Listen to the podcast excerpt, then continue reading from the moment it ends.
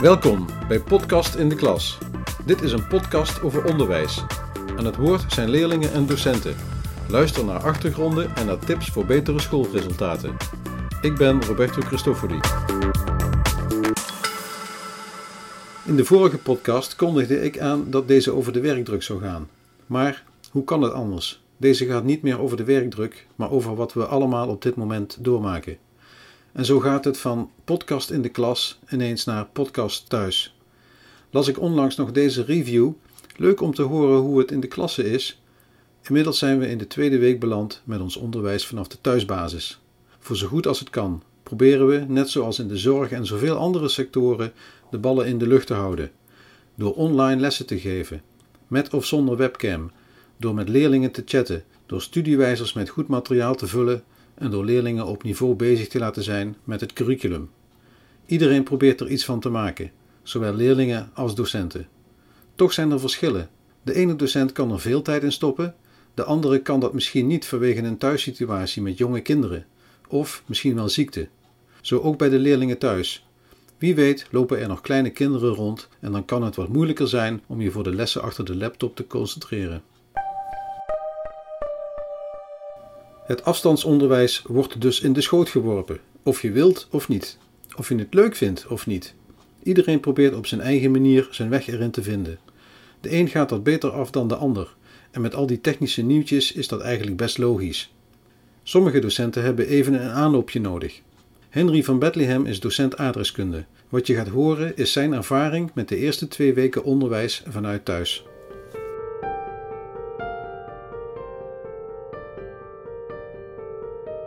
Het lesgeven op afstand. Het is eh, even wennen, maar na twee weken ben ik er wel eh, behoorlijk aan eh, gewend. En ook mijn leerlingen die kunnen er ook wel prima mee werken. Vorige week heb ik aan alle leerlingen gevraagd om online te komen. Om hen zo te vragen of ze redelijk goed in teams kunnen werken. En toen heb ik ze er ook op gewezen dat het huiswerk in som te vinden was. Ze konden dan zelf ook vragen stellen, maar ja, dat, het nadeel is dat ze daar wel wat terughoudend in zijn. En sinds deze week presenteer ik ook eh, de PowerPoints die ik normaal tijdens de les had laten zien. Het is een mooie mogelijkheid dat de leerlingen dan gewoon mee kunnen kijken. Wat ik best wel lastig vind en waar ik dus ook wel tegenaan loop, dat is dat ik eh, vooral naar zwarte schermen aan het kijken ben. Want leerlingen die vinden het blijkbaar toch best wel spannend om een uh, webcam aan te zetten. En ook de microfoon die staat heel vaak uit. Ik weet niet of het komt door schaamte, verlegenheid of gewoon iets anders graag willen doen in de lestijd. Maar het gebeurt helaas wel. Uh, vraag aan de leerlingen om gewoon de microfoon aan te zetten. En nog liever de webcam, want het is veel leuker voor jezelf om niet naar een zwart scherm te kijken, maar gewoon de leerlingen te zien. En ik heb natuurlijk ook nog wat tips voor de leerlingen. Ga s'avonds niet te laat naar bed. Ik weet dat het heel verleidelijk is om te Netflixen of om te gamen. Maar ga gewoon op tijd naar bed. Sta op tijd op en ga elke dag even een rondje wandelen, fietsen, want uh, dat komt de concentratie alleen maar ten goede. Paul Simons geeft Frans, maar komt van wat verder weg. Hij woont namelijk in Duitsland. Je hoort hem vertellen over hoe hij het beleeft. Voor de omschakeling heeft hij even tijd nodig, maar tegelijk is hij ook bezorgd over de gezondheid van familie en hoe het verder zal gaan met deze crisis.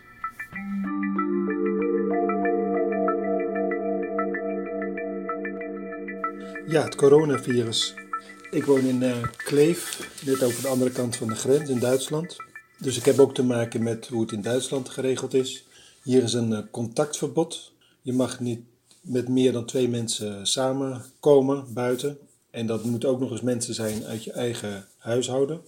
Gelukkig is het wel mogelijk om te blijven sporten. Dat doe ik ook graag. Ik ga elke dag een uurtje hardlopen of uh, fietsen in de omgeving. Het is ook zo mooi weer. Maar de stad is verder helemaal uitgestorven. In Duitsland zijn in principe alle winkels dicht, behalve uh, die met levensmiddelen te maken hebben. Dus er is helemaal niks te, niemand te bekennen in de stad. Dat hoeft natuurlijk ook niet. Iedereen leeft uh, teruggetrokken. Ja, ik zelf natuurlijk ook verder. Uh, wij doen hier thuis doen we home office. We hebben elk een eigen kamer waar we dan in werken achter de computer.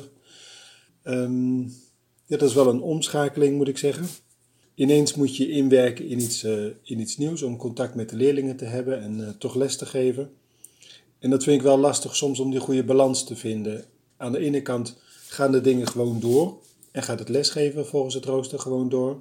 Aan de andere kant maak je ook zorgen over hoe het in de familie gaat met de mensen die uh, ja, wat kwetsbaarder zijn. Um, en je hebt natuurlijk ook geen contact met. Ik heb geen contact met mijn kinderen. Uh, tenminste, niet live dan natuurlijk. Die wonen niet meer thuis, dus ik bel nu met ze. Of we schrijven natuurlijk regelmatig. Mijn kleinzoon zie ik dan per uh, video WhatsApp. Maar je hebt geen directe contact meer. En ja, dat mis je natuurlijk toch wel. Dat is, uh, dat zeker waar. Maar je maakt je dus zorgen over hoe het in de familie gaat. Met iedereen die je lief is. Je maakt je zorgen over hoe het in andere landen gaat. Um, in een wat groter verband. Hoe het in België gaat, waar ik vrienden heb. In Frankrijk, waar ik veel kennissen heb. Uh, in Duitsland hier ook uh, met familie. En om daar de goede balans in te vinden. Van aan de ene kant volg je het nieuws en ben je er heel erg mee bezig. En aan de andere kant ga je gewoon door met, met de werkzaamheden. Dat vind ik wel moeilijk hoe je dat precies doet. dus mijn concentratie is niet altijd even groot. En soms denk ik, ik ga een boek lezen of ik ga wat meer studeren. En toch heb je daar niet de concentratie voor, omdat je dan um, ja, toch het nieuws volgt. Ook op televisie en op internet. Het is natuurlijk wel een heel zorgelijke tijd voor de gezondheid van iedereen, maar ook hoe het met de economie verder gaat. Uh, op school zitten we nog redelijk safe, zou je kunnen zeggen. daar kunnen we de dingen gewoon door laten gaan. maar in het bedrijfsleven vallen natuurlijk voor heel veel bedrijven de inkomsten weg. banen staan op de tocht. Ja, dat is natuurlijk, die dreun gaan we straks merken. En dat is ook nog niet zo eenvoudig hoe we daar met z'n allen uitkomen. Ja, school gaat min of meer gewoon door. Ik vind het wel leuk om via dat programma Teams te werken. Je hebt wat meer individueel contact met leerlingen. Je chat meer, soms ook in groepjes. Dat vind ik wel aardig. Je kan iets minder laten doen tijdens de lessen. Het is wat, wat langzamer. Maar ik vind het wel fijn om toch het contact te hebben. Af en toe ook een leerling in beeld te zien. En op die manier de band te houden. Ik denk zelf dat we elkaar over een langere periode niet zullen zien. Dat het zeker tot en met de meivakantie is dat we niet op school zijn. En misschien wel tot het eind van het jaar. Ik heb geen idee. Ik stel me in ieder geval in op een wat langere periode. Ik vind het ontzettend belangrijk dat we ons eraan houden aan al die regels. Het is uh, moeilijk, ik denk ook voor leerlingen om niet naar buiten te kunnen, om elkaar niet te zien, om niet in groepjes bij elkaar te staan. Maar we moeten onze adem nu even inhouden uh, voor elkaar. Daar moeten we doorheen. En er is ook vast licht uh, aan het eind van de tunnel.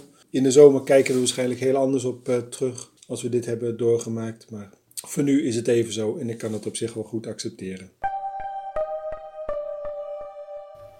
Wat vinden onze leerlingen eigenlijk van de online lessen? Vinden zij deze periode aanvoelen als een vakantie? Volgen zij thuis ook het nieuws? Maken leerlingen zich zorgen en kunnen ze er thuis goed over praten? En wat vinden zij van al die maatregelen? Zomaar een greep uit alle vragen waar antwoorden op kwamen.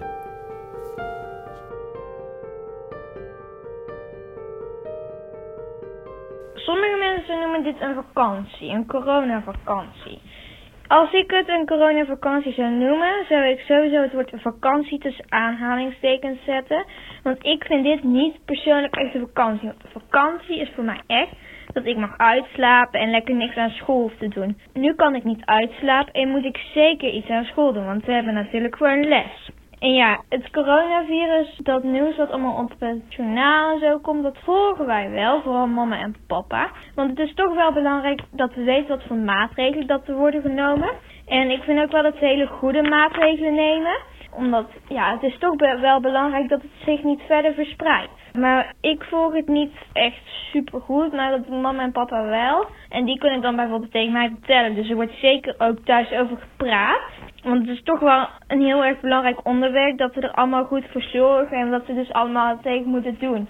En als het, en als het niet zo'n heftig virus was geweest, zouden nu natuurlijk ook niet al die scholen dicht zijn gegaan. Dus ik vind wel dat ze goede maatregelen nemen.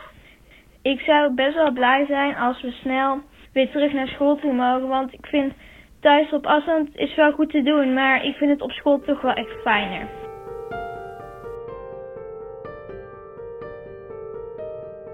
Is erg onhandig om de lessen thuis te krijgen. Daarnaast is het ook erg druk nu thuis, want iedereen natuurlijk thuis moet zijn. De online lessen zijn niet erg leuk en gezellig. Meestal heeft alleen de docent zijn camera en microfoon aan en is, en is iedereen erg stil. Daardoor is het onhandig om te weten wie er nou wel echt zijn en wie niet. Ook is het erg onduidelijk soms wanneer je huiswerk nou echt af moet hebben, welke les je er moet zijn of niet. Daarom vind ik het niet zo erg dat examens niet doorgaan. Hierdoor hoef ik minder stress te krijgen over de examens. Qua tips die ik zou geven aan docenten is het duidelijker opgeven van huiswerk in SomToday, de hoeveelheid verminderen die je af moet hebben in een week en moet de docent duidelijker zijn wanneer iedereen zijn microfoon en camera aan moet hebben. Marianne Cornelissen is heel erg bezig geweest, maar vond eerst nauwelijks tijd. Ik ga over haar verhaal verder niets verklappen, maar het tijdstip waarop ze deze opname maakte is bijzonder te noemen. Luister maar.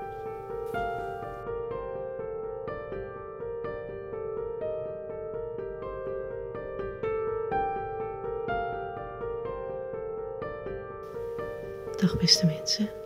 Ik moet een beetje zachtjes praten. Want mijn, mijn twee kinderen en mijn vriend, die liggen op bed te slapen. Want het is midden in de nacht. En dan zul je misschien afvragen, waarom neem je een geluidsfragment op midden in de nacht? Nou, het was vandaag zondag. En op zondag werkt mijn vriend niet. Hij was dus de hele dag thuis. En hij kon de zorg van onze kinderen op zich nemen, zodat ik kon werken. En uh, ja, ik heb dus eigenlijk heel lang achter de laptop gezeten. En uh, ja, dan slaap ik niet zo goed. Maar hoe beleef ik deze periode? Ik vond het vooral de eerste week erg lastig om uh, een ritme te krijgen. Niet alleen voor mezelf, maar ook voor mijn twee kinderen die nog op de basisschool zitten. Want die hebben van hun basisschooljuffen best wel heel veel huiswerk opgekregen. En wanneer doe je zoiets? Wanneer help je je kinderen naast je eigen werk, wat je thuis moet doen? Dat was voor mij de eerste week een beetje zoeken. En um, daarnaast vond ik het ook heel erg uh, belangrijk en uh, het een prioriteit hebben om duidelijk te zijn naar mijn examenleerlingen. Want uh, er stond een praktijkexamen op de planning. En daar ben ik vooral de eerste week heel erg druk mee geweest. En um, ja, nou dat ritme is er nu wel. Naast dat het best wel lastig is om, um, sorry jongens, dat is ons konijn. Naast het combineren van uh, het docent zijn, het moeder zijn, voor je gevoel ook een beetje basisschooljuf zijn. Want je bent overdag, overdag bezig met hakwoorden, taxiwoorden, staardelingen. Ben je ook uh, huisvrouw, dat werk gaat ook gewoon door. Ben je vriendin van? Ben je dochter van? Want ook probeer ik naast al die taken die ik dan nu thuis heb, wat ik probeer zo goed te combineren, ook voor mijn ouders te zorgen. Zodat ze echt zo min mogelijk het huis uit hoeven. Want hun behoren ook tot een risicogroep. Maar goed, al die taken combineren lukt me nu best aardig. En uh, naast dat het af en toe een beetje lastig is soms, brengt deze periode ook wel hele leuke dingen met zich mee. Met uh, leerlingen die hun waardering uitspreken. Dat uh, ze om je hulp vragen, s'avonds, dat, je, dat ze je bedanken dat je meteen helpt en dat je terug hebt. Of uh, wat ik ook heel erg leuk vind, en daar moet uitkijken dat ik niet al te enthousiast reageer, is wanneer leerlingen al uh, foto's maken tussendoor van hun werkstukken. En uh, dat dan delen met mij via Teams. Vind ik hartstikke leuk. Maar goed, het brengt dus ook hele mooie dingen met zich mee. En uh, naast dat je hele leuke en lieve berichten krijgt van leerlingen, krijg je ook leuke berichten van collega's. Delen ze ook opdrachten met je. En um, ja, houden ze toch contact. Wat heel erg fijn is. Want in deze periode merk ik wel heel erg dat ik me bewust ben. Dat ik echt vind dat ik een hele leuke baan heb. En hele leuke leerlingen. En hele leuke collega's. Want uh, ik mis het contact wel. Nou mensen, uh, we maken er allemaal het beste van. Heel veel succes met alles wat jullie moeten doen. En sterkte allemaal. Als laatste kreeg mijn directeur het woord, want ik vroeg me af wat zijn beleving wel niet moet zijn om ons op schoolniveau en met de baan die wij als docenten hebben door een stukje crisis heen te leiden. Als ik het zo mag betitelen, een onderwijscrisis als afgeleide van de coronacrisis. Erik-Jan Bakker geeft ons een kijkje in wat er op hem en het MT afkomt en hoe zij hiermee omgaan.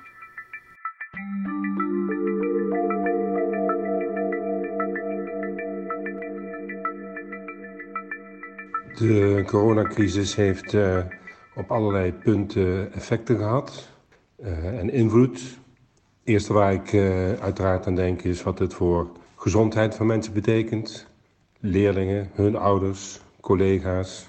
Je eigen gezondheid speelt natuurlijk ook. Dan hadden we er examens bij, dus dat was een heel concreet belang voor heel veel leerlingen. En daar speelde zich al heel snel een situatie af bij een van de ouders die voor corona in het ziekenhuis kwam te liggen, vervolgens wel naar huis mocht. En dat uh, was een jongen die examen moest doen. Dus daar moet je meteen aan het regelen. De organisatie gaat meteen als volgende aspect door je hoofd. Als de gezondheid van mensen in het geding is, wat betekent het dan voor ons? En waar kun je dan nog een uh, effect hebben? Waar kun je nog invloed uitoefenen? Dus we hadden on onmiddellijk heel veel uh, maatregelen die op ons afkwamen vanuit de overheid. Maar dan wel in de interpretatie van, ja, van wie? Van onszelf, maar ook in de interpretatie van Kamerorganisatie, waar de school een onderdeel van uitmaakt. Interpretatie van ouders, hoe gaan die met de situatie om? Wat, wat van angsten beheersen hun, want het gaat over hun kinderen als ze op school zijn. Interpretaties van leerlingen, die verliezen een stuk van hun wereld hè, als dit niet op school meer uh, beschikbaar is. Je hebt ook je eigen interpretatie. Wat denk je dat goed is voor de school, voor de organisatie? Dus daar spelen zich uh, heel veel dingen tegelijkertijd af. En er wordt voortdurend iets van je verwacht. Je moet daar besluiten in nemen. Die moet je samen met anderen nemen. Maar voor een deel moet je ook echt zelf de knoop doorhakken op sommige punten. En dat betekent, uh, als dat eenmaal gebeurd is, er vervolgens ook nog over communiceren. Zodat iedereen precies weet wat er bedoeld wordt, wat je wil hebben en hoe jij interpreteert als school en als schoolleiding wat er moet gebeuren in de school. Wat het effect is en de consequenties zijn van al die maatregelen. En dat neemt tijd in beslag, vergt denkwerk. En voor je het weet ben je op zondagavond om 11 uur klaar met je werk. Want die situatie doet zich gewoon op het moment voor dat die er is. Dus dan moet je ook op dat moment zorgen dat het eh, afgerond is, zodat er eh, met mensen besproken kan worden, gecommuniceerd kan worden en besluiten kunnen worden vastgesteld. Dat betekent dat het elke dag uh, nou, heel erg verrassend is aan het begin van de dag hoe het aan het einde er weer uit zal zien. En dat, dat komt in elke crisis een keer voor, maar intussen is het bij de coronacrisis al meer dan eens, al een aantal keren voorgekomen dat je aan het einde van de dag uh, je afvraagt van, goh, had ik dit nou kunnen voorzien deze ochtend? Meestal is het antwoord nee. En in een aantal gevallen was het dus ook nog weekend. Uh, waardoor je continu bezig bent geweest. Tijd waarin je continu voor de school aan het nadenken was. Continu aan het bellen was. Aan het mailen was. En het appen was. En je moet ergens toch op een gegeven moment ook weer even adempauze hebben. Omdat je over een aantal zaken natuurlijk goed moet blijven nadenken. En niet heel erg alleen maar vanuit je gevoel of je instinct uh, gaan opereren. Want dat gevoel, dat instinct heeft zich hier niet op kunnen voorbereiden. Dit is een redelijk unieke situatie die ik in 35 jaar onderwijs in elk geval nog nooit heb meegemaakt. Dus uh, daar zit je dan wel diep over na te denken. En die tijd moet je er af en toe ook gewoon voor kunnen uittrekken en willen uittrekken. Nou ja, dat betekent dat de crisissituaties die ik al ooit heb meegemaakt, eh, echt niet te vergelijken zijn met eh, wat we nu met het land weer meemaken. En het is ook nog veel breder. Het is niet alleen je eigen school, het is elke school, elke basisschool. En daarbuiten is nog, ook nog eens een keer bijna elke winkel waar je wat moet zoeken of wat moet halen. Dus de confrontatie is er behoorlijk. En in de functie van uh, directeur uh, wordt er natuurlijk om je heen afgewacht met welke actie er gaat komen. Dus je weet ook nog dat alles wat je zegt en wat je doet, daarvan weet je dat er uh, om je heen wordt gekeken welk besluit je aan het nemen bent. En er zijn dus bepaalde verwachtingen ook je eigen verwachtingen waar je op dat moment aan wordt geacht te voldoen. Maakt het ontzettend spannend. Overigens maakt het het ook wel weer leuk, vreemd genoeg. Het is geen leuke situatie, maar het geeft wel een bepaalde voldoening als je daar op een goede manier, hoop je, het verschil in kunt maken. Veel indrukken. We zijn aan het einde van deze podcast gekomen. Maar nog even dit. Gelukkig is er besloten de centrale examens niet door te laten gaan. Maar de leerlingen hebben wel nog iets te goed, namelijk een herkansing. Op veel scholen zijn die aan het einde georganiseerd, zo'n beetje rond deze tijd. Docenten gaan het dus nog even druk krijgen met de afronding van de schoolexamens. Welke maatregelen of besluiten er vanuit het ministerie over de slaag-zakregeling gaan volgen, is giswerk. Meer dan ooit leven we van dag tot dag. Een besluit van gisteren kan morgen overschaduwd worden door een nieuwe maatregel. We moeten het maar nemen zoals het komt. We zijn erachter gekomen dat niet alles zeker is, behalve dat bij het aanbreken van de dag de zon weer opkomt, de komende 4 tot 5 miljard jaar althans. Dat het water in de oceanen over ongeveer 1 miljard jaar zal verdampen, is ook een feit, maar daar hoef je nu niet mee te zitten. Het belangrijkste is om zo snel mogelijk van het coronavirus af te komen. Onze gezondheid gaat nu voor alles. Pas goed op jezelf en de mensen om je heen.